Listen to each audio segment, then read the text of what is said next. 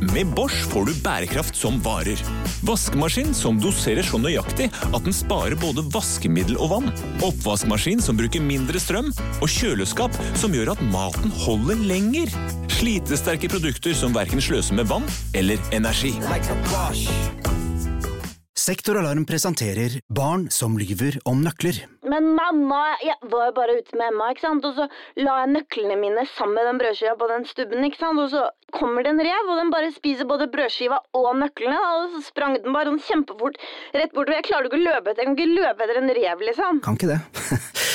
Akkurat nå har Sektoralarm kampanje på boligalarm og dørlås med kode istedenfor nøkler, slik at barna alltid kommer hjem til en trygg bolig. Les mer på sektoralarm.no. Har du et enkeltpersonforetak eller en liten bedrift? Da er du sikkert lei av å høre meg snakke om hvor enkelt det er å levere skattemeldingen med fiken, så vi eh, gir oss her. Fordi vi liker enkelt. Fiken superenkelt regnskap.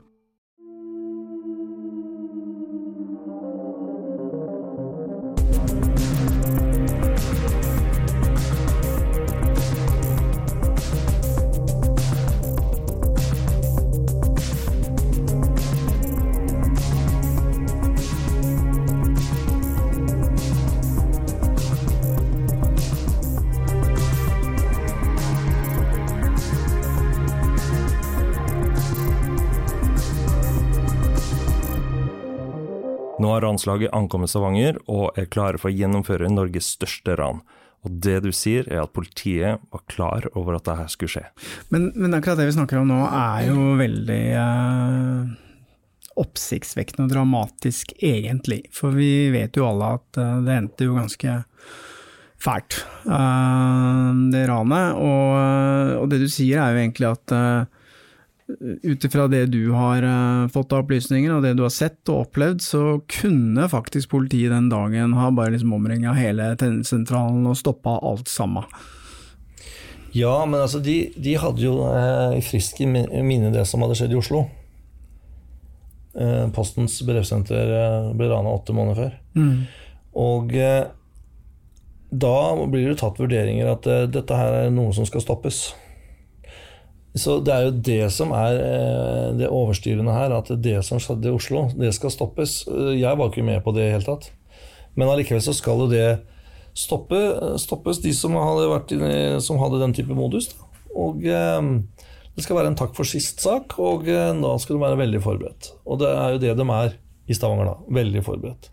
Mm. Det tar jo ikke lang tid før det er veldig mange som er ute. Men problemet er jo det at vi setter en lastebil foran utkjøringa på politihuset. Den så de ikke komme. Så de blir stengt inne. Det står jo veldig mange politibiler her på vei ut, men de kommer jo ingen vei pga. at det er, det er, noen minutter der da, som forsvinner, men så får de jo den der eh, bakdøra opp, da. Men da, da, kan man jo altså Dette er jo midt i påsken. Det var jo liksom ikke noe skulle skje uansett. Da, men allikevel så var det veldig, veldig mange på jobb. da. Mm. Så det var åpenbart at de var forberedt på at det skulle skje noe? Ja, men Det kommer jo fram i dokumentformen, selv om det aldri har vært eh, det har aldri vært eh, de der eh, særorganene fra politiets de, de, rapportene der har aldri vært fremme. Nei. Så du har aldri kunnet lese hva dette egentlig handla om. Men, men, men, oppvasken den har jo selvfølgelig foregått Den får jo ikke offentligheten innsyn i uansett. da. Nei, men jeg får litt sånn jeg kjenner meg litt igjen i det i forhold til bankboksbrekket mm. på Bryn. Fordi at uh, i bankboksbrekket så visste jo politiet alt. Ja, ja. Ja, de, visste, de var bare litt usikre på hvilken helg dette skulle foregå, og de sørga for at det ikke var noen politibiler i nærheten, ingen fikk lov å kjøre. For at det, Målet var at man skulle ta dem på fersken, da, ikke sant. Ja. Og så gikk jo det forferdelig galt, fordi eh, det var en vekter som misforsto noe gateadresse osv., og, så og, så, og så mislyktes politiet med det. Men jeg, jeg ser jo på mange måter en parallell her, da, at man istedenfor å ta dere før ranet gjennomføres, så skal man liksom nesten la dere få lov å gjøre det for å ta dere på ja, ja. fersk gjerning. Det var jo sånn det var. og det er klart at Når du velger da modusen, og metodevalget er slik da at uh, man, skal, tas på fersken med våpen Og de er så De er gira opp, da. Av det som har skjedd uh, i Oslo, tydeligvis. da så, så, er det jo det der med at uh, når det skal møtes med våpen, og det, skyting blir eh, iverksatt, da, så er det klart at det, da, da har du en ukontrollert situasjon. Da. Det er det du får på torget der den dagen. En, Men kan vi spole en litt? situasjon som er helt ute av kontroll. Ja, men kan vi spole litt tilbake? Kan du, kan du fortelle om liksom hvordan du opplevde den dagen, fra det startet om morgenen? Ja, altså den dagen der, det var jo Vi Jeg hadde jo kjørt rundt eh, Jeg hadde jo kjørt veldig mye rundt i Stavanger, egentlig. Kjørt opp fluktruter og slike ting, så jeg var jo for så vidt ganske godt kjent. Eh, den dagen så skulle vi jo liksom eh, Vi starta jo veldig tidlig på, da. Det hadde ikke vært så mye søvn. eh, Det hadde jo vært veldig mye sånn forberedelser utover natta. Og så prøvde man jo å få sove litt, og så var det jo da å prøve å få på seg utstyret, gjøre seg klar. da. Og så skulle vi sluses ut i de forskjellige bilene og hente inn biler, og det ble veldig mye sånne ting. Logistikk rundt det der, der oppe på Kvadrat, blant annet. Og så skulle vi jo møtes, selvfølgelig, og øh, gikk jo over i forskjellige tingene med gassvarme for å få vekk DNA og slike ting, da. Og så øh, ble vi da i hver vår bil. Så kjørte vi jo bare rundt og kjørte til et sted hvor vi kunne liksom stå eh, litt i trygghet, da, for å si det sånn. Fram til eh, vi skulle kjøre inn mot eh, Vi skulle jo liksom ha et oppmøte ved politihuset eh, i Stavanger. Og um, rett ved siden av, faktisk. Og um, der hadde vi et oppmøte, og så um, Vi gikk jo ikke ut av bilene der. Det var bare Det var jo noe med det løftelemmet, bare. Og så utover det så var det ikke noe på den lastebilen. Og så drar vi derifra, da, med da tanke på å kjøre Komme akkurat klokka åtte, da, bort til uh, banken. For det var jo akkurat da den døra i, eh, ved siden av ville gå opp, da. Det var en sånn auto, eh, der på den døra. De der eh, tilstøtende bygg som eh, igjen hadde den der eh, døra på baksida som gikk ut i eh, bakgården. Så hadde det var et bygg ved siden av.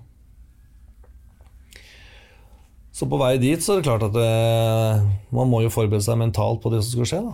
Det er klart det. Og da hadde det vært noen timer i bilen allerede, så Det var jo morgentrafikken, og så det var jo svarte vinduer helt rundt på den Range da, som jeg kjørte. Så når jeg kom bort dit, så var det jo ikke noe synlig, men der står det en buss der, da.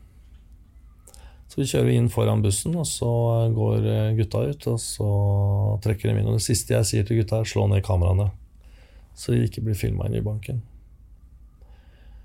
For de hadde jo sett, når jeg sto utafor vinduet der, så så jeg at det var veldig mye kameraer i taket der. Um, men eh, det er klart at eh, når jeg da Ja, når de går inn da med alt det utstyret de hadde med seg, og sånn, så skulle jeg da rygge opp på fortauet og sette bilen eh, ved siden av inngangspartiet der, da. Mens den bussen står der, faktisk. Så skjønner jo jeg det at dette her var jo noe han bussjåføren syntes det var litt rart, da. Jeg merka jo det at han sto der og glodde litt og sånn, altså det var litt ubehagelig var det, men vi skulle liksom eh, være helt rolig, da. Det gjorde vi jo. Det skjedde jo ikke noe der. Det var helt rolig. Og så um, blir jo situasjonen slik at eh, man står der og står der og står der, og den bussen drar jo selvfølgelig, og Ja. Så kommer den andre bilen etter hvert. Den derre Forden. Og folk går jo forbi, og um, jeg sitter jo og står og lytter på radioen, for jeg hadde jo politiradio på øret. Og så etter hvert så um, hører jeg jo alarmen går. Og det, det, alt begynner jo å Jeg begynner å høre at det, det er varsling da, på politiradioen. Og så um, Ja. Den, den, den, du, du tror gjerne at ting skal skje veldig mye raskere. For det, er- det er jo noe med det at det, nå går det inn. Nå ringes det. Nå. Men det er jo ikke sånn. Ta, ting tar jo mye mer tid. Og, og, og minuttene er jo veldig lange. Ja. Så eh, vi var vel der ett minutt over åtte, og så eh, fem minutter føltes jo veldig lenge. Så begynner vel å nærme seg eh, enda noen flere minutter, selvfølgelig. Og så hører jeg jo da at eh, alarmen er gått, og så liksom det tar evigheter, liksom. Og så plutselig så kommer David, så kommer David ut og så spør Ja, du må inn. Du må inn og ta ruta, liksom. Jeg trodde jo at han kom ut med alle, så jeg, jeg trodde jeg det var over, jeg. Nei da, det har ikke kommet inn engang. Men hadde de da skutt allerede? Ja, jeg hadde ikke hørt noe av det. Nei. Jeg hadde vel, eh, jeg hadde vel eh, propper og alt i øret, jeg vet, så jeg, jeg hørte ikke så mye rundt meg som eh, jeg kunne ha gjort, sikkert, for jeg hadde jo propper. Ja, for, for da hadde de forsøkt med, med slegge og ja, ja, ja. og øks. Så de som sto lenger opp, de hadde nok hørt mye mer enn det jeg gjorde. Ja. Mens jeg hørte ikke noe av det der. der. For jeg sto litt, mer, litt lenger ned, og det er litt mer bygg liksom imellom der, da. Og så har jeg som sagt propper i øra. Jeg- Jeg står og hører på politiradioen, jeg, så jeg er litt opptatt av hva som skjer rundt meg ellers. da. Når han kommer ut, da, og du tror det er over, liksom. Nei da. Da er han fortsatt ikke inne. Og det er bare der Hva? Liksom? Hva sa du? Men du må, det går jo autonomt inn, da. For det er, jo, det er jo noe du har på en måte forberedt deg litt mentalt på. At vi snakket jo om det også, at hvis det der vinduet ikke går, for vi har jo krangla om det så mye, at det vinduet der er sikkert et panservindu, som jeg sa. Og hvis det er et panservindu, så er det ikke sikkert at det er i nærheten av å komme gjennom det på, med det verktøyet vi har. Så da var det snakk om at vi kunne skyte på det vinduet da. Men jeg syns jo det høres veldig rart ut, så at det skulle være sånn eh, altså, jeg har jo ikke noe erfaring med det. Jeg hadde jo tatt på meg ekstra ammunisjon nettopp for å kunne skyte på det vinduet der. Så når jeg går inn eh, til det vinduet, da, kommer jo klatrer inn og helt inn til det vinduet, som også var en evighet inn, syns jeg, så så tar jeg jo utgangspunkt i eh, å bruke den som en maskinhammer, den AG3-en, da, selvfølgelig. Så det går jo, jeg tror det går en del magasiner i den eh, kanten, altså. For jeg skyter jo langs kanten bortover. Og jeg gjør jo det der så fort jeg kan, da, selvfølgelig. Og når jeg hadde kommet bortover eh, hele overkanten og kommet godt ned på, eh, på sida, så bikker denne ruta. Du ser at den gir etter. Nei, men han bikker. Den hvelver på en måte. Altså, de, da jeg tar et magasinskifte, så eh, tror jeg, så tar jeg et steg tilbake, og så eh, For det spruter veldig mye glass, vet du. Det gjør det. Så jeg var glad jeg hadde både visir og faktisk også slalåmbriller. Jeg hadde slalåmbriller, eh, bolle slalåmbriller, taktiske, under visiret til og med. Det har aldri kommet frem i saken, forresten. Så eh, står vi der, der og skyter med det, den der ekstreme spruten. Da. For det er jo veldig sprut, altså. Glass, glassprut. Så, men når det kommer et godt stykke ned på siden der, så tar jeg et steg tilbake for å skifte magasin, og da er det noen som er, jeg tror det er noen framme og slår på ruta på et eller annet vis. Da, da kalver han, altså. Så han, vel, han, han velter i selve åpningen. Han bikker. For den veier jo så mye, den der ruta. Så når du først da slipper i, i, i toppen og på siden, så hvelver den sjøl av, av vekta. Den veier jo en 300-400 kilo, den der, noe sånt, mot det der vinduet der. Så det er ikke å få over seg. Da blir man det. Så da var dere, da var dere inne. Ja, når jeg, ser at den hvelver, da, så eh, da trekker jeg meg ut med en gang. Ja, altså. Så um, For din jobb der var å være vakt på utsiden? Min jobb var også å passe på bilen. Den Ja. står jo på tomgang ute. Jeg bare var ute for å passe på den, liksom. Ja. Uh, og selvfølgelig uh, passe på det som var der ute, ja. Så jeg, ikke, jeg skulle ikke egentlig inn i hele tatt, egentlig. Så det der, der eh, Det der, der ble veldig ekstraordinært. Eh, da fikk jo de anledning, men da hadde det gått veldig mye tid, da. Så når jeg da er på vei ut igjen da, så vet jo ikke jeg hva som venter meg når jeg lukker opp den siste døra. Det har jeg ikke snøring på, for jeg har ikke hørt eh, Pga. all den støyen som var i bakgården der, så hørte jo ikke jeg noe eh, av det som skjedde på politiradioen eller noe som helst. Så jeg hadde ingen snøring på hva som skjedde der ute, egentlig. Og ikke hørte jeg noe spesielt heller. Så når jeg kom ut, men så når jeg kom ut, så er det helt stille. Barnevogner som gikk forbi, og folk, busser og busser og ingen responderer. Det er som å, du kan tenke deg Hvis du står med en eh, slaghammer og slår på betong, så er det akkurat det samme. Når du slår av den, så er det akkurat det samme. Det var ingen som kobla det der at dette var noe. Så det var helt vanlig der ute når jeg kom ut der. Og det var litt sånn der, For da hadde jeg vært inne i veldig støy og veldig mye bråk og veldig mye. Og så kom jeg ut der, og så var alt helt normalt. Tilsynelatende. Men så var det jo ikke helt normalt. For da begynner jeg å høre at det er politi på vei. Og det tar ikke så utrolig lang tid eh, mens jeg står der ute, så kommer jo eh, Forden riggende ned, og så rigger på den der store kassa med flasker. Og velte en, en, Ja, for det er, en sånn der, det er jo sånn der selskapslokale, der, og de har jo veldig mye vinflasker og spritflasker og slike ting, og det settes jo ut der da. Så dette ble jo rygga ned, da. Og det er jo et helvetes bråk, da, selvfølgelig. Mhm. Så det er jo bare å late som at det ikke var noe spesielt. Da. Men da står det jo også en buss der, så jeg ser jo det i ettertid. Da, at det, det er jo faktisk filma, det der. da At jeg plukker opp et par flasker og står der og ser på det. Da. Jeg var jo laga, la et par av de magasinene inn i bilen, og så jeg la fra meg de, da, for å si det sånn. Og så eh, var det jo Vi skulle jo se ut som eh, po- politi på en sånn type overleveringssituasjon med kringvern. Så det, det, det var jo det som var grunntanken. Så vi måtte bare oppføre oss som eh, normale, sindige folk. Og det ble jo kjøpt òg, Ja, ja, ja, i, i hvert fall når du ser filmen. Ja, da, men det, det ble kjøpt i virkeligheten òg, det, altså. Ja. Ja, ja, ja. Folk gikk forbi der. Ja. Gikk, mødre med barnevognene sine. gå forbi, og ja, da var det ikke noe problem. Og det var sånn. Men jeg hører jo på politiradioen at politiet har kommet til stedet. Og så sier jo plutselig den ene politimannen at for å skutt han fyren som står der nede på hjørnet, foran den grå bilen Han med hjelmen der, liksom. Skyt når du får klar sikt. Så klart, når du får en sånn greie på politiradioen For det, det hadde jo vært hele, hele veien, da, så skjønte jo jeg det. Det var jo det rare her. Det var jo det at det var ikke noen overraskelser. Det, altså Jeg har jo hørt på politiradio i 20 år, og det var ikke noen overraskelser. Det var ikke noe sånn derre Hva er det som skjer? Det var liksom ikke noe sånn Det var bare sånn Det var veldig korte kommandoer ut, og, liksom sånn, og så plutselig så kom den meldinga, liksom. Ut av det blå. Så kommer det Får du skutt han karen bort på hjørnet der? Liksom det er sånn øh, Oi, shit. Mm. Da begynner du å skjønne at øh, dette er noe helt annet enn det du trodde. For på det tidspunktet her, eh, litt ut i ranet, så kommer det to politimenn til domkirkeplassen. Ja, ja, ja. Og de Ja. eh, Det er Haaland og Tesen som kommer dit Ikke sant? Ja. Og, og, og dere og to Og det er jo grupperinger. Haaland som sier det der, at får du skutt han, det sier han til Tesen. Mm. Han sier det, men hvor Tesen står da, det vet jo ikke jeg. Jeg vet jo ikke hvor Tesen står, jeg vet ikke hvor Haaland står heller. Nei, for- Hvor han står og observerer. Fordi de sikter på, det er ikke du, for du står litt lenger men jeg følte meg sikta på. Ja.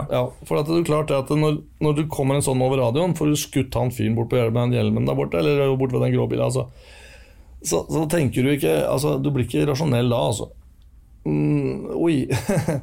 altså det er jo en, eh, det er en voldsom eh, beskjed over eh, radioen. Mm. For det var jo en god del diskusjon i etterkant, eh, der man diskuterte hvem avfyrte skuddene først. Ja, ja, det òg, ikke sant. Det er jo veldig rart at det ble helt tatt diskutert. Syns nå jeg, da, selvfølgelig. Men, men det ble, ja Opp og ned i mente så ble det, det diskutert. At Men det, det, er jo så rart, da. Det er jo sånn det er, da. At det var en veldig betent sak, det der, der da, selvfølgelig. Akkurat det der, der spørsmålet der, da. Men det er jo sånn at eh, når den meldinga der kommer, da, så trekker jeg meg nedover. Da går jeg vekk fra den posisjonen jeg hadde foran eh, i front, for da føler jeg meg helt eh, sårbar å stå der jeg sto. Selv om jeg hadde skuddsikker klasse 3-vest og, og kevlarhjelm og visir og alt, så, så, så, så, så tenker du ikke sånn. Da. Du vil ikke ha et skudd mot deg uansett. Da. I, I den filmen da, så går den, eh, han som spiller det, han går ned til en gruppe med menn som står og prater Stemmer. det var en eh, haug med snekkere som sto der nede. Gjorde du det? Jeg gjorde det, ja. Så du gikk og stilte inn i en gruppe? Jeg stilte meg med midt i gruppa deres. Ja. Midt iblant dem. Hvorfor det? Nei, det var jo fordi at jeg, Får du skutt han karen bort på hjørnet der, da, da så jeg at eh, jeg skal dit. Så jeg så en gruppe eh, snekkere som sto og røyka på hjørnet og hadde pause. Ja, For da regna du med at politiet ikke kom til å skyte inni Ja, jeg hadde i hvert fall et sterkt håp da, om at det, det ville være rart å begynne å skyte på en kar som sto plutselig blant veldig mange sivile. da. Og jeg visste ikke hvor de var, de som sa dette der. For jeg hørte jo bare en radiostemme. Jeg så jo ikke politi. Jeg så ikke politibilen heller. Jeg visste jo ikke at de hadde kommet på øversida på torget. Det- det hva skjedde etter det, da? For vi hadde jo ikke kommunikasjon oss imellom. Det var jo det som var store feilen her. Vi hadde ikke radiokommunikasjon, for da skulle det være over sånn, tang, tang, tang, og så skulle det være over.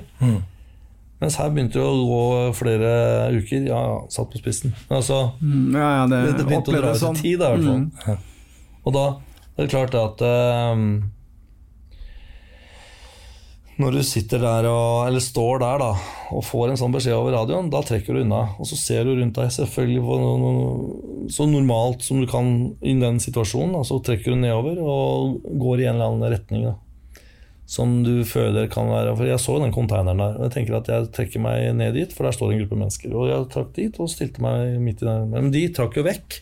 Når jeg stilte meg der, så ble dette Det ble jo veldig rart for dem igjen. Sant? At det står en med en AG3 eh, rett ifra, midt foran dem. Så de avslutta veldig sånn i stumpa tidlig i reiken, for å si det sånn.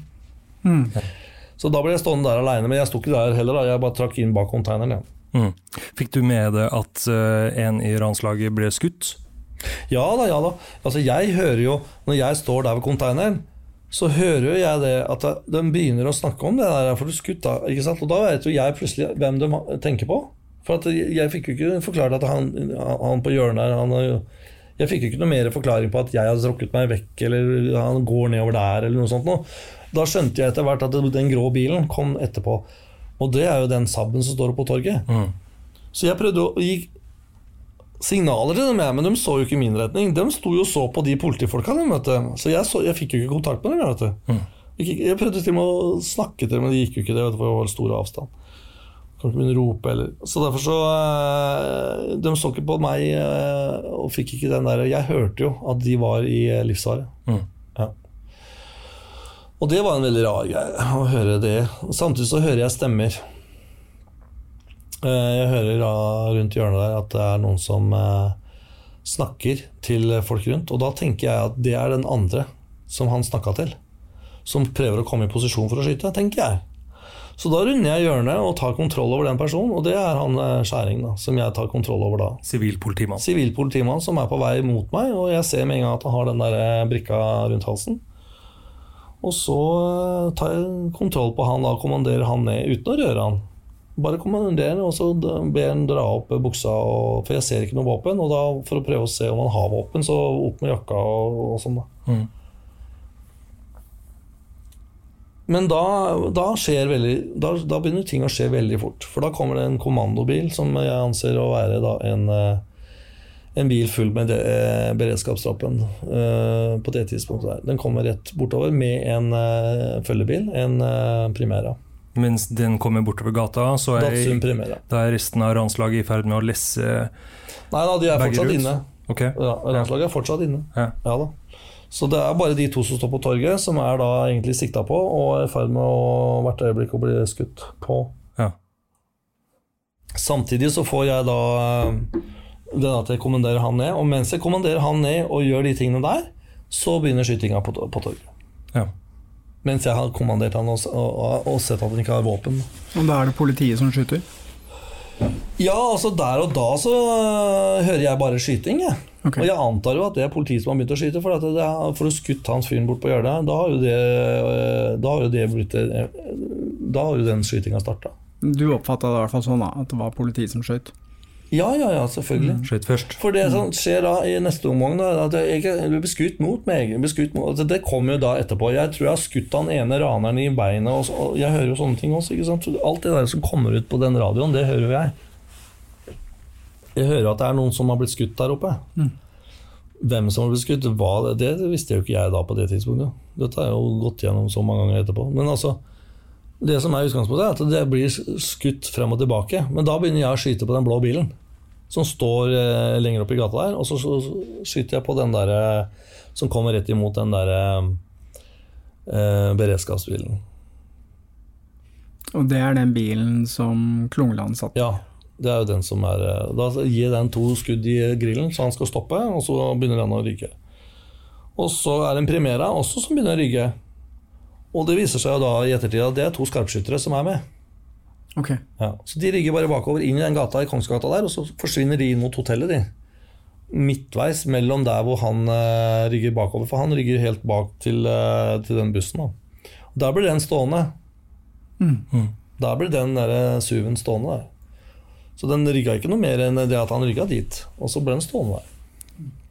Men da du skøyt mot den uniformerte bilen, mm. du skøyt Du var Da skjøt jeg to skudd i grillen for å få den til å stoppe, Mm. så rygger han bakover. Men han fortsetter å stå der borte. Og jeg vet jo det at det er ikke noe problem å treffe noen på 100 meters hold eller eh, 150 meter med en MP5 eh, på innsida av en eh, rute. Det er jo ikke noe problem, det.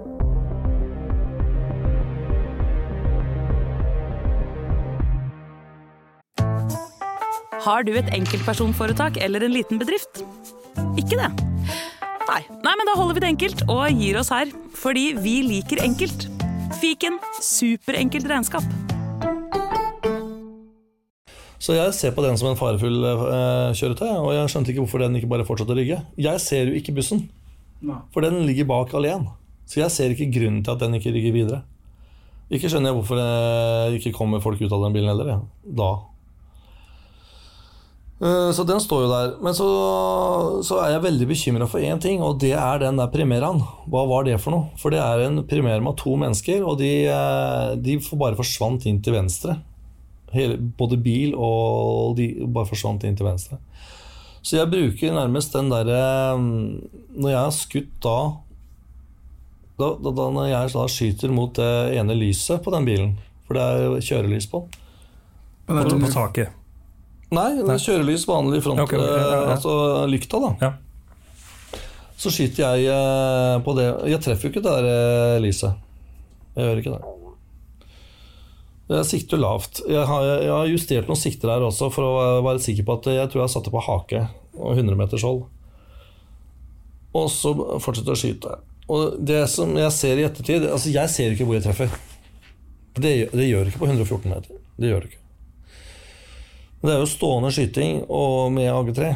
Og det er klart at uh, Den er jo som den er, da, den der AG3-en. At uh, Ja. Og jeg har skutt et par ganger med den før, men uh, Når du da Jeg har en taktfast skyting for å få han til å forsvinne ut av bildet. For jeg ser på det der som en gruppe mennesker som eh, er fullstendig bevæpna. Dette er Delta, sånn som jeg kjenner dem fra Oslo. Og jeg ser på det nesten som en skuddsikker bil òg. der og da. Og så er jeg veldig bekymra for der, de som satt i den premieren. Hva er det som skjer med de? Hva, hva, hva, er, som, hva er det som skjer foran der, da? For de ser jo eh, bare ser bare sånne bevegelser, og jeg, jeg, jeg ser jo ikke noe mer liksom, til de da, liksom. Jeg, og så er det jo det at det han som ligger der nede, han, han, han er jo helt på alerten. Han sitter og teller skudd, han, vet du. Så han, eh, han gjør seg klar til å jeg, jeg, skjønte jo at han var en politimann som var klar til å gjøre et eller annet. da. Så jeg må jo være litt sånn obs på han også, selvfølgelig. Samtidig så setter jeg den blå eh, 760 eller 740 ut av spill da, ved å skyte inn i blokka i fronten der, for at den ikke skulle kunne følge etter og sette ut, og bruke den som en sånn type nedslagsfelt. da. Så det, det blir den andre bilen jeg skyter på. Den blå og den der, der borte. da. Det er de to bilene jeg skyter på. Og jeg tenker jo ikke at jeg skal treffe noen.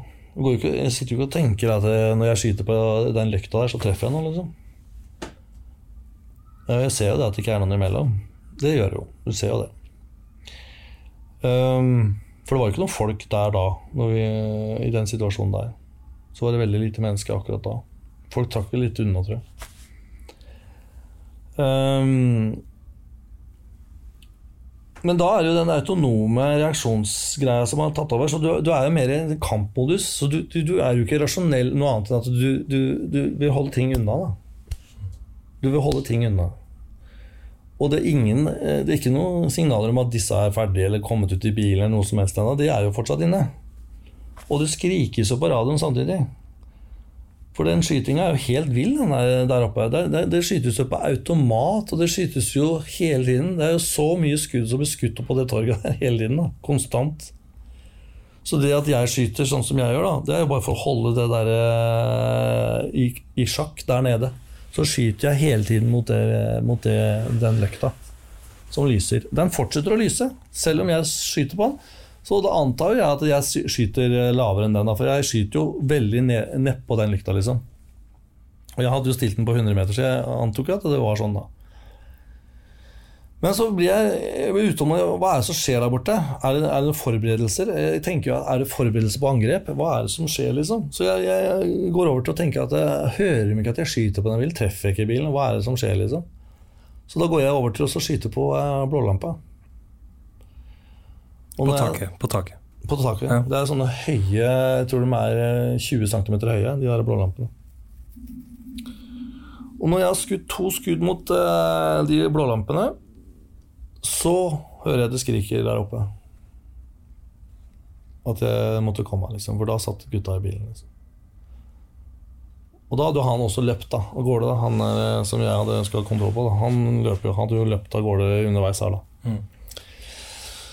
Så Og det var de siste skuddene du det var de to skuddene jeg skjøt mot blålampene, og så ble jeg det avbrutt av at de ropte på meg, og så løp jeg opp til bilen, og så eh, skal jeg være sjåfør på den der hvor det sitter folk. da. Ja. Men istedenfor å treffe blålampa ja, jeg ser jo selvfølgelig i ettertid at da har jeg eh, Det er det samme forholdet mellom eh, Jeg hadde en sånn samling, jeg. på omtrent en knyttneve Under, under, under eh, frontlyset. mm. Og hvis tilgang Hvis jeg, noen hadde hatt tilgang Jeg har jo sett det, for jeg har jo sett alle disse dokumentene. Hadde man sett videre innover, så sitter alle skudda i støttamperen, Og de var gule. Så hvis du tar ut den støttamperen og setter den opp, så har alle skudda gått i en støttamper. Og det er ikke så lett å treffe en støttamper på 114 meter, men alle skudda stort sett var i den støtdemperen. Så det er, en, eh, det er en grei samling, men det er samme forholdet mellom eh, lykta og den samlinga som det er fra blålysa ned til frontruta. frontruta. Så istedenfor å treffe lysene, så gikk det litt lavere, med andre ord. Det gikk lavere, og så tenker jeg ikke på det når jeg skyter på blåser. vet du. Så det der jeg føler at jeg har gjort den store brøleren. At jeg tenker ikke over at når jeg begynner å skyte på det blålyset, så vil jo det samme forholdet te seg der òg. Mm. Så det er jo sånn jeg ser på det hele. At det er jo sånn jeg må ha truffet han. Ja, for det var aldri din intensjon å Nei, skyte en noen i bilen?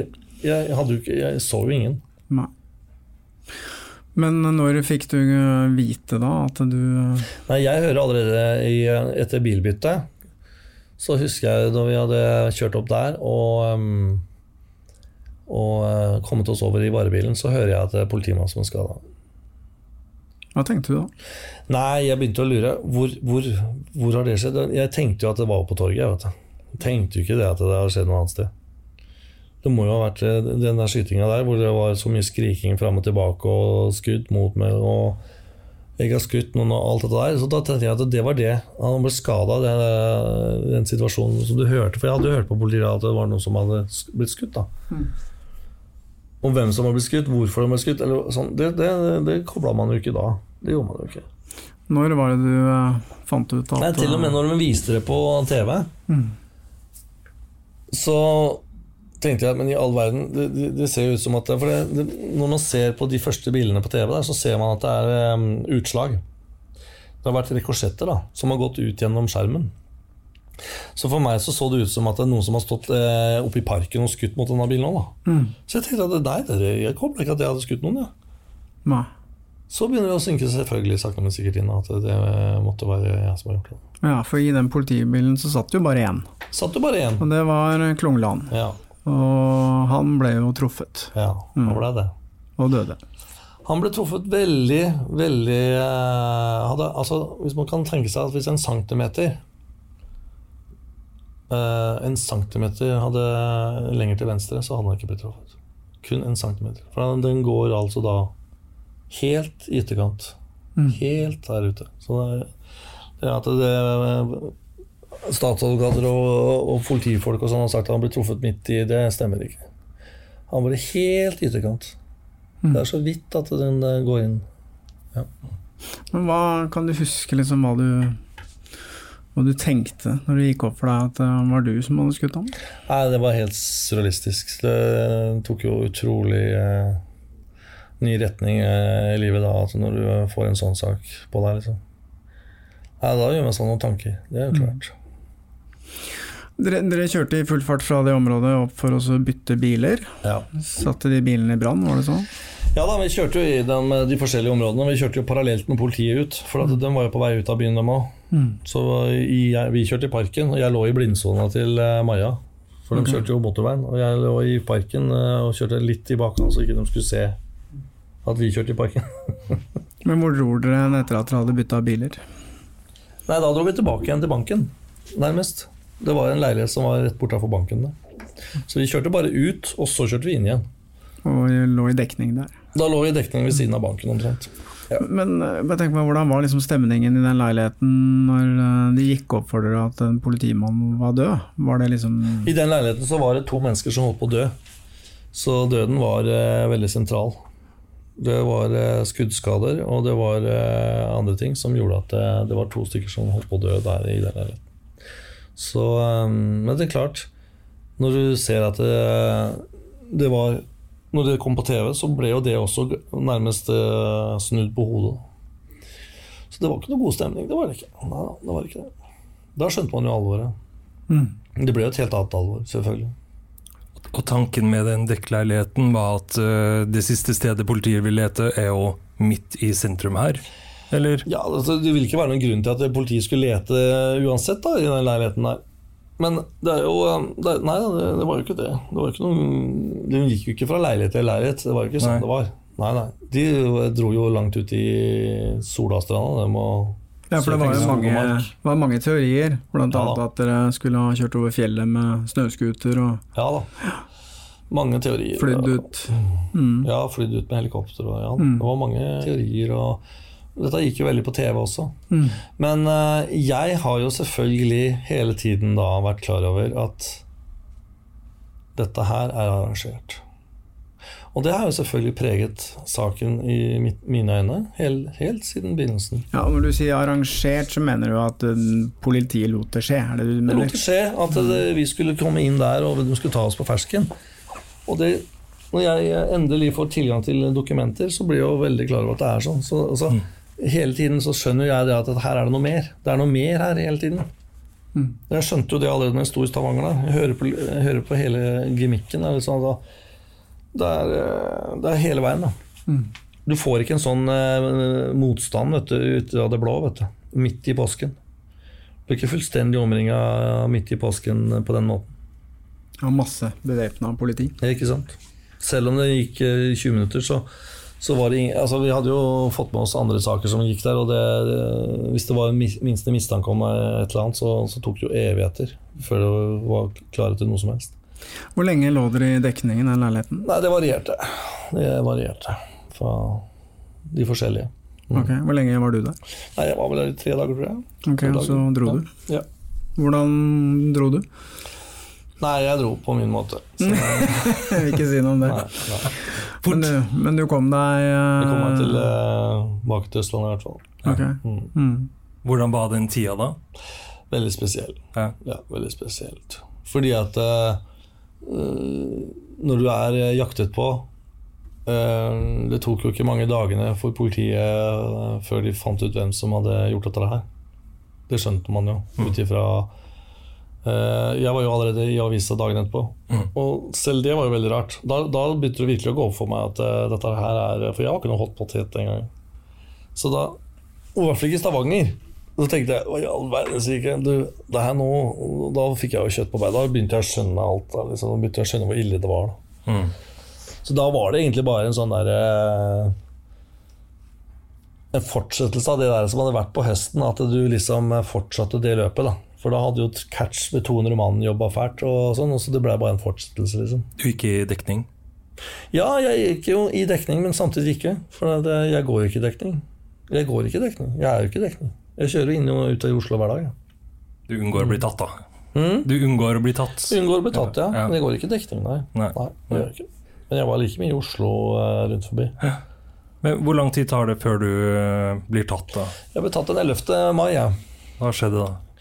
Nei, da hadde politiet Jeg vet at det der har blitt forklart, men eh, jeg er jo litt sånn derre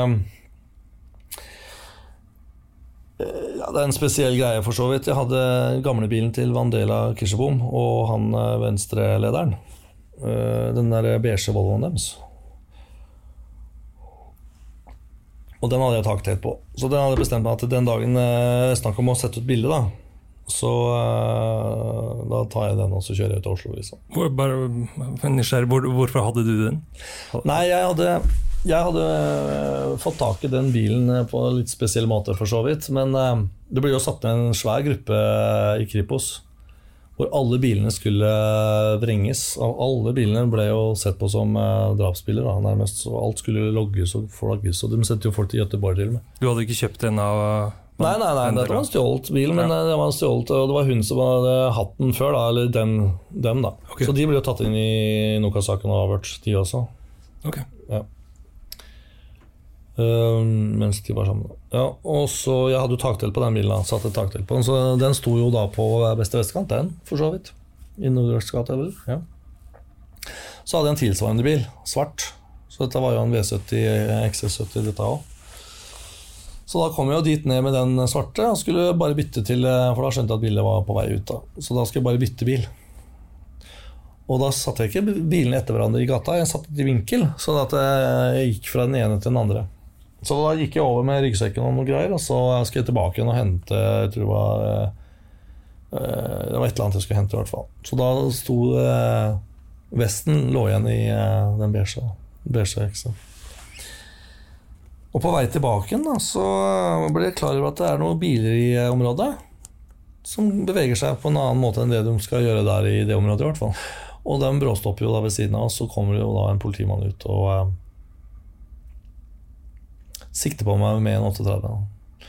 Og det, som en sånn reaksjon på det, så slår jeg meg på brystet. Ja, For at i all verdens rike, liksom eh, Når du blir sikta på, så blir du jo så perpleks, da. Så går rett imot deg. så jeg slår meg på brystet. Og det er jo Jeg har jo hørt og snakka med han etterpå, og da er det liksom Da er det liksom så nære at han skyter, da. Så der kunne jeg faktisk vært drept. Hva var grunnen til at du slo det på brystet? For at jeg slo for å kjenne etter om jeg hadde skuddsikker vest. For jeg gikk jo alltid med skuddsikker vest, men det var så varmt den dagen at jeg hadde tatt den av meg. Og så Jeg drev og kjosa fram og tilbake med disse bilene fram og tilbake, så jeg var jo min egen verden, jeg, for så vidt.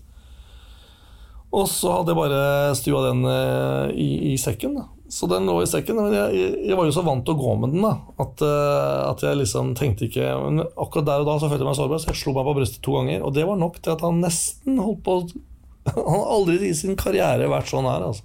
Ja. Det fortalte meg da lenge etterpå. da. Han tenkte at det var en slags sånn At du hadde et eller annet Ja, jeg vet ikke hva han tenkte, men det, er altså, du kan tenke deg hvis du er en du tror er bevæpnet til tenna, Mm. Plutselig gjør noe som du ikke regner med at du skal gjøre, så er det nok, det, altså. Mm. Til at du trykker på avtrekkeren. Mm. Ja, det er jo det. Og i dag så er det jo enda verre, vil jeg tro, hvis noen slår seg på brøstet. Så øh, de er vel sikkert opplært til å skyte i C-sone, vil jeg tro. Mm. Ja. Så nei da. Så um, Da ble du pågrepet, Mm. og uh, du hadde en ryggsekk. ja, den lå i Volvoen, den. Hva inneholdt den? da? Nei, det var eh, bare noen småpenger, og så var det Det var vel eh, ikke noe spesielt, egentlig. Det var vel eh, noen sånne eh, ting som du har når du reiser ut i felten, holdt jeg på å si.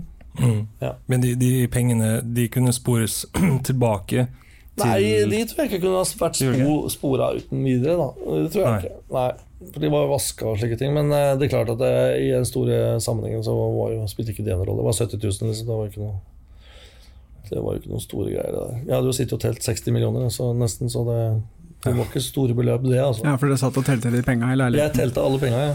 i Stavanger. Okay. i Stavanger før jeg dro derfra. Hvor mye var det nøyaktig? Nei, Det var det beløpet, 57 et eller annet. Mm. Men vi gikk jo ikke over til Vi telte dem ikke. Jeg, jeg, jeg fikk tak i en vekt og begynte okay. å veie dem. Ok. Så du tok ut en million, og så, veide, og så tok du akkurat nøyaktig vekta på det, og så fortsatte det sånn. For det var veldig mye 200-lapper. Mm. Det var ikke det som var målet, egentlig, de 200-lappene. Nei, Nei. det var det ikke. Det var, ikke. For at det var eh, ganske større verdier i det Det var 1,6 milliarder i det, i det hvelvet der. Ja. Og vi fikk ikke det hvelvet opp. Men uh, hadde vi fått tak i uh, 100 millioner eller 150 millioner, som var meninga, så eh, Så hadde vi jo uh, Og ingen hadde blitt drept, og alt hadde gått eh, smooth sånn som det skulle gå, så hadde det jo vært en helt annen sak. Ja. Men sånn ble det ikke. Men hva var planen din da du ble arrestert og skulle bytte bil? Skulle du kjøre ut av byen, var det det? Jeg bare kjøre ut av byen, ja. Jeg hadde ikke noen planer om å forlate landet, egentlig. Fordi at eh, selv om jeg hadde vel bestilt pass og sånn, men eh, eh, det var slik at eh, det er nesten verre å være i utlandet, altså. Hvis man tar og sammenligner med andre saker, og sånn, så ser man at du er i større fare ved å stikke til utlandet i sånne saker. Ja, Hvis du blir tatt, mener du? Ja, altså, eh, hvis, ja, ja. I sånne saker så er det ikke noen begrensninger. Vet du. Mm. Så eh, det er en større fare å være i utlandet enn å være i Norge da. Ja, politiet i enkelte land er kanskje ikke De skyter først og spør etterpå. Kanskje hakket verre i Norge. Mm. Ja, ja, altså De skyter først og spør etterpå. Da. Det skal vi ikke lenger til Sverige da. Ikke for det, det skyter jo her òg. Ja, ja. Ja, det det. Du blir drept her òg, altså, av politiet. Men kan du fortelle om eh, hvordan det var da du ble tatt? Da ble du vel frakta til sentralarresten da, eller hvordan var det? Da ble jeg frakta inn, da, selvfølgelig. Eh, Jonny Brenna han kom jo etter hvert, han også. Uh, og fikk jo uh, vært med på den arrestasjonen, han også. Og så eh, er det han som ringer inn. Og da står han på hodet mitt, faktisk, med det ene beinet. Og da skjelver han veldig i det beinet, altså. Så han, det, det beinet det rister i hodet mitt, husker jeg. Og så står han og ringer med det her. Og skal, hvor skal jeg? Så var det fulle blålys inn, da, med en sånn derre Toyota. Så det er klart at det, da var det jo stor ståhei og stas, vet du, at de har fått tak i meg, da. For dette var jo veldig sånn Det var jo ikke noen tilfeldigheter her. Det var jo ikke det. det var Men hvordan veldig- ble du behandlet av politiet da? Det, Nei, jeg ble ikke slått. Det ble jeg ikke. Men selv om det var litt sånn røff behandling i selve arrestasjonsøyemed, så ehm, så ble det mye kjefting, selvfølgelig. Det blei veldig liksom, ampert eh, i bilen inn, og det, inne på arresten, selvfølgelig. For det var en fra Stavanger, han var veldig rasende og veldig sint og veldig prega. Så han var ikke så profesjonell, dessverre. Men eh, det er jo sånn du må regne med. Det er jo bare mennesker. Så en sånt eh, reaksjonsmønster, det må man jo bare ta høyde for. Så en av kollegaene til Klungland Ja. i Stavanger Han var var med, med på på den arrestasjonen. Ja, Ja. Og klarte ikke å helt å kan tenke meg at Hvis han hadde kommet først, så hadde han skutt først òg. Men Det er jo bare sånn flåsete sagt, for så vidt. Men det, er, eh, det var ikke en eh, fra Stavanger som kom Nei. imot meg. Han var jo naturlig nok opprørt. Det er klart det, vet du. Mhm. Det er klart det er opprørt. Det sier seg sjøl. Det der, det der, å være så tett på en sånn situasjon Jeg kan jo godt forstå det at, du, at, at folk blir skutt i en sånn situasjon. For da er det så veldig sånn eh, du, du, du, forventer jo et eller annet kan skje, ikke sant. Så um, Men i etterkant av, uh, av det som skjedde, da har du prata med familien til Klungland? Ja, jeg har gjort det. Du har gjort det? Hvordan gikk det? Nei, det var jo sterkt, det. Det må jeg jo bare si. Altså. Det har vært veldig sterke runder altså, med å ta kontakt med de pårørende og sånne ting. Og det har jeg jo eh, villet sjøl også, fordi at eh, det er jo sånn som eh, fødre har vært nødvendig. Mhm. Men tror de på deg når du sier at det aldri var meningen å treffe ham? Ja, altså Ja, jeg har en sånn forståelse av at det, det ligger noe der. Ja, jeg, gjør. jeg har en sånn eh, følelse av at, det, at jeg blir trodd, i hvert fall av altså, han. Mm. Mm. Ja da. Det er jo, det er jo engang sånn at det er jo veldig vanskelige greier, vil jeg tro. Han har jo uttalt seg til politiet også, han etterpå. Så vi har jo um, et felles stå- ståsted i den forstand at jeg tok landbruksskolen på samme sted som han tok politiutdannelsen. På samme internat og samme på Kongsvinger. Så vi har snakka sammen om uh, forskjellige ting. Så det er klart, det er jo uh, veldig spesielt at uh, han er så tett på å ha vært. Da. Det er det jo. Jeg tror ikke det er så veldig mange som har møtt sine altså, pårørende til offer og slike ting. Mm. Det er ikke jeg så kjent med at det har skjedd så ofte. Tenker du mye på det som skjedde den gangen? Det er klart man gjør det, for det er jo tilfeldigheter alt sammen. Veldig tilfeldigheter, altså. I den situasjonen sånn som man ble, da. Ja, for det fikk jo veldig store konsekvenser for uh, livet ditt uh, videre. Ja, det kan man si. Du fikk jo en ganske streng straff. Det var jo et enormt sirkus. uh, rettssaken. Kan du fortelle litt om hvordan du opplevde tingrettssaken i Stavanger? Ja, altså Rettssaken var, eh, varte i eh, fem pluss fire. Altså fem måneder og fire måneder, så det er ni, eh, elleve. Jeg tror det var oppe i elleve måneder, ja, til sammen. Tingrett, lagmannsrett og høyesterett. altså ja, ja. Mm. Et halvt år, eller I hvert fall så tror jeg vi var i Stavanger veldig lenge, da. Seks måneder Jeg husker ikke eksakt nå, her og nå, men i hvert fall så tok det eh, tok jo, Begge instansene tok jo veldig lang tid. Det var jo svært. Det var jo det. Mye styr. Saken fikk en veldig sånn eh, Stor eh, oppmerksomhet, selvfølgelig. Men jeg husker at det var eh, lenge så var det jo liksom snakk om at man ikke visste hvem som hadde skutt eh, Klungland. Mm. Det var mye sånn spekulasjoner om hvem som hadde gjort osv. Hvordan var det det utspilte seg? Nei, jeg fikk jo vite ganske tidlig av, eh, av av politifolk bl.a. i Bergen som sa til meg at ja, det tok ikke lang tid før vi fikk vite hvem det var som hadde skutt. da. For de hadde jo bare avlytta alt som var. Ja, så det var ikke noe hemmelighet for politiet? For politiet så var det ikke noe hemmelighet. Nei, nei, det var det ikke. Men de hadde ikke bevis. Fantes ikke bevis. Så de måtte gjennom hele tingretten, og så måtte de inn i lagmannsretten. Men da, mot lagmannsretten så var det folk som hadde fått så lang straff at eh, da ble jeg eh, fortalt at jeg hadde gjort det, av to stykker. Ok, så det var eh, Da var det to stykker som fortalte at jeg som hadde gjort som hadde vært med på ranet? det. Som hadde vært med på det. Ja, for å slippe billigere unna selv? Men da fikk de en veldig nedsatt straff, ja. Mhm. Hvordan opplevde du det da, når du ble pekt ut som gjerningsmann? Nei, da var det ikke noe vei tilbake. Da var det bare å legge kortene på bordet da. Og fortelle sånn som det var. Mm. Hadde du trodd at du kunne gå gjennom rettssaken, og at det ikke skulle Nei. komme frem? Nei. Nei. Jeg hadde ikke noe tro på det i det hele tatt. Jeg ble jo dømt uh, pga. blikket i første runde. Altså blikket Ja, uh, Bjørnestad mente at eh, blikket var eh, gjenkjent av skjæring.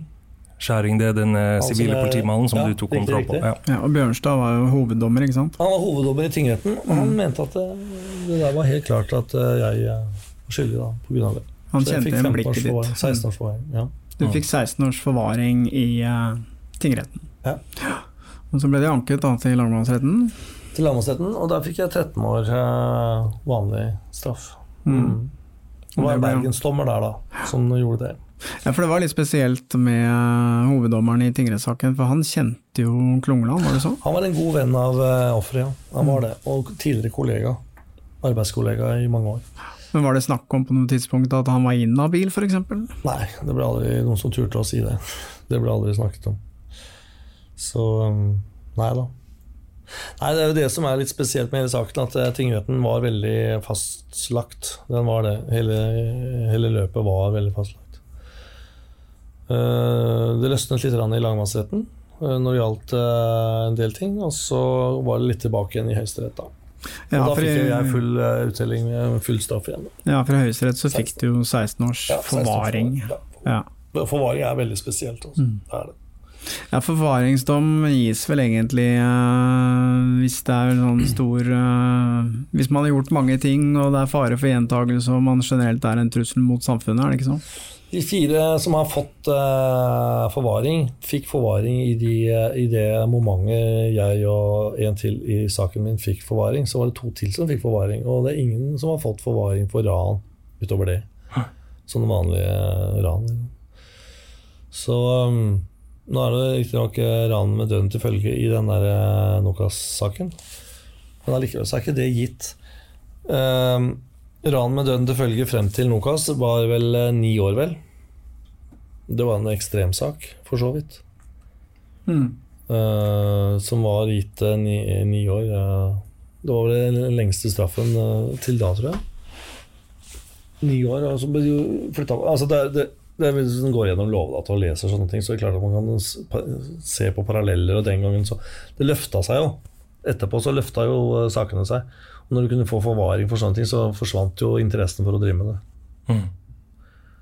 Det gjorde jo det. For da, da la de liksom det der forvaringsstempelet på eh, de som uh, holdt på med ran, for å si det sånn. Men Du har jo sagt at eh, det å forvaring, få forvaring, da, det er som å sitte i fengsel i fengsel. Det er jo det. Hva mener du med det? Nei, altså det er, et veldig, det er en verktøykasse for et fengsel. Og, eh, og myndighetene eh, åpnes da en helt annen arena av muligheter til å kunne straffe deg. Da. Hva, slags muligheter da? Nei, det går på permisjoner, det går på plassering, det går på uh, når du, Vi fikk jo også til og med den der mafiaparagrafen. Mm. Oppå det igjen. Så det, det ene slo jeg andre i hjel. For det ene sier jo det ene, og så, men allikevel så Ja, men da har du jo den 60A, da. Som også ble gitt den gangen. Det var jo også et nytt fenomen. Altså Forvaring var ikke så gammel den gangen. Det kom jo da i 2001-2002, og så ble den eh, første gangen gitt i 2004, da. Eller 5. 2005 så fikk jeg forvaring første gangen, ikke sant? og så fikk jeg da i 2007. Da var det ikke gitt eh, Det var jo bare fire stykker som hadde fått forvaring for sånne ting eh, som det der, da. Mm. Men det, det, jeg husker jo det, da rettssaken gikk, og det ble liksom det her med forvaring, det ble, det ble kjent. Og det ble da kjent som at de her kan vi holde i fengsel så Ja, lenge vi vil. Det var livstid. det var livstid. Da så var det livstid. Det var ikke noe å lure på engang. Altså, det var jo null sjanse å tenke at det, Altså Til og med vaskekonen, som jeg sier, eh, på fengselet visste jo at vi satt på forvaring. Altså med livstidsdom, liksom. Så det var, aldri noe spørsmål om det. Liksom. Det, det var ikke noe Det var, det var ikke noe pardong, pardong det. Da. Så alt ble jo lagt til rette for det, og det, det, det så du også når jeg kom til Trondheim i 2008. Så var det helt sære regler som kom. For du har blitt flytta mye rundt på. Ja, jeg ble flytta veldig mye rundt, men etter at jeg fikk den der eh, siste forvaringen, så eh, i 2007, da, så ble jeg flytta til, eh, Trondheim. Satt der i seks og et halvt år på et regime som ikke var lov, lovhjemla. Som ble tatt vekk i 2019.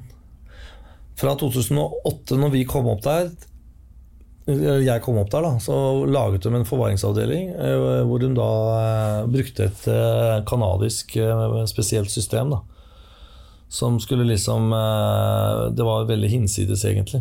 Og dette var ikke lovhjemla på noen måte. Så det, det var et sånt poengsystem hvor du skulle liksom opparbeide slik og slik og slik over lang tid, eller helt vilkårlig. Og det var betjentene som skulle sette statutter, og sosionomer som da hadde på seg uniform. da Som skulle da eh, måle og tenke og føle rundt oss da i alle disse åra.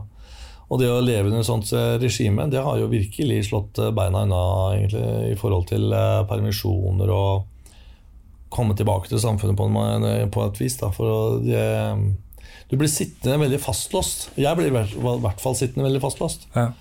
Jeg som da eh, fikk barn eh, underveis, jeg hadde jo sittet i syv år i fengsel, ikke sant? og så plutselig så sitter du da og Du får ikke permisjon, du får ikke være med på dåp, fødsler altså Men du klarte å bli far mens du Jeg, jeg satt i klarte å bli far, for jeg var jo gift. Ja. Jeg gifta meg jo eh, på, eh, på, i Stavanger. Så jeg var jo gift.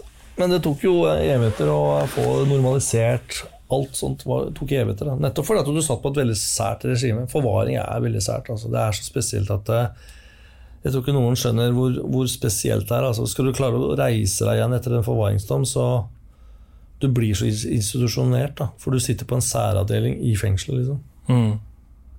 Veldig isolert fra, til og med fra vanlige fanger kan du risikere å bli sittende. Men hvordan var din relasjon til de, de ansatte i fengselet, f.eks.? Nei, den, eh, den var, var jo veldig sterkt varierende, nettopp pga. det at du blir eh, De som er sosionomer for forvaring, er jo der eh, utdanna for å hjelpe mennesker som har et eh, helt annet ståsted. Har du først fått forvaring? Det er 110 forvaringsfanger, eh, mellom 110 og 120. Og, de, og det er en, det er en portefølje som er ganske stabil, for det er nesten ingen som blir løslatt. Og hvis en ser på det fangesammensetningen der, så er det ikke verditransportran de sitter for. Altså. Det er ikke det. Nei. Så jeg var jo en ensom uh, fugl i den samlinga der, stort sett. Det var ikke mange altså, som hadde det der. der, der altså. Vi var tre, da. Fire. Og så ble det tre. Altså, ikke sant? Så det, vi var fire stykker da, av 110 som hadde den slags type dom, da, på en måte. Altså Som hadde det som grunnlag. Da.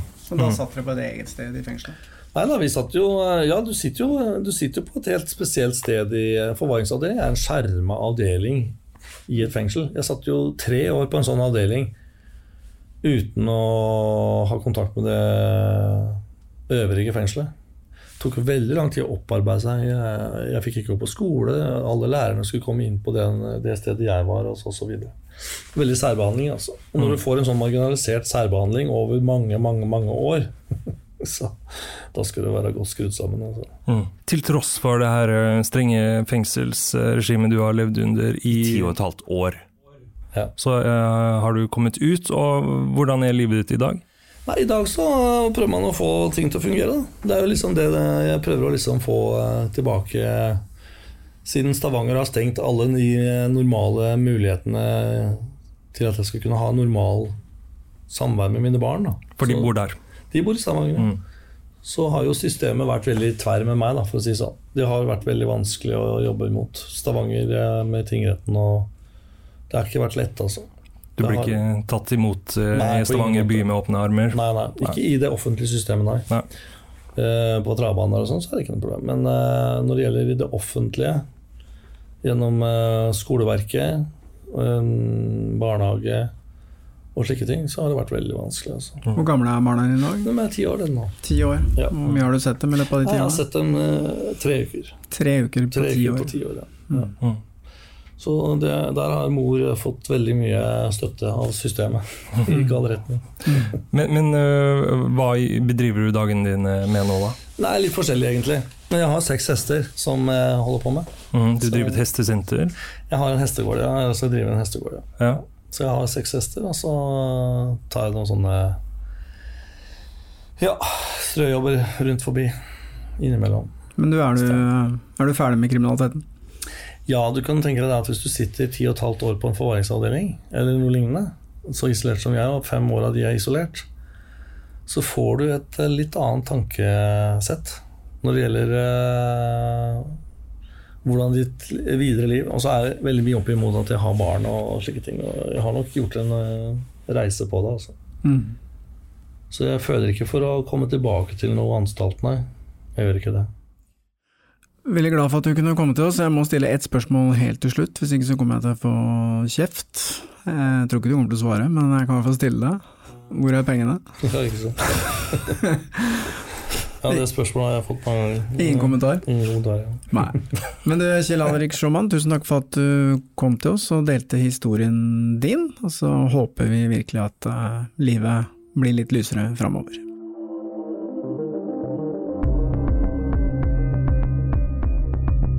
Avhørt er produsert av Batong Media, og all musikk er laget av Georg Roaas. For å komme i kontakt med oss, gå inn på Facebook-siden Batong Media.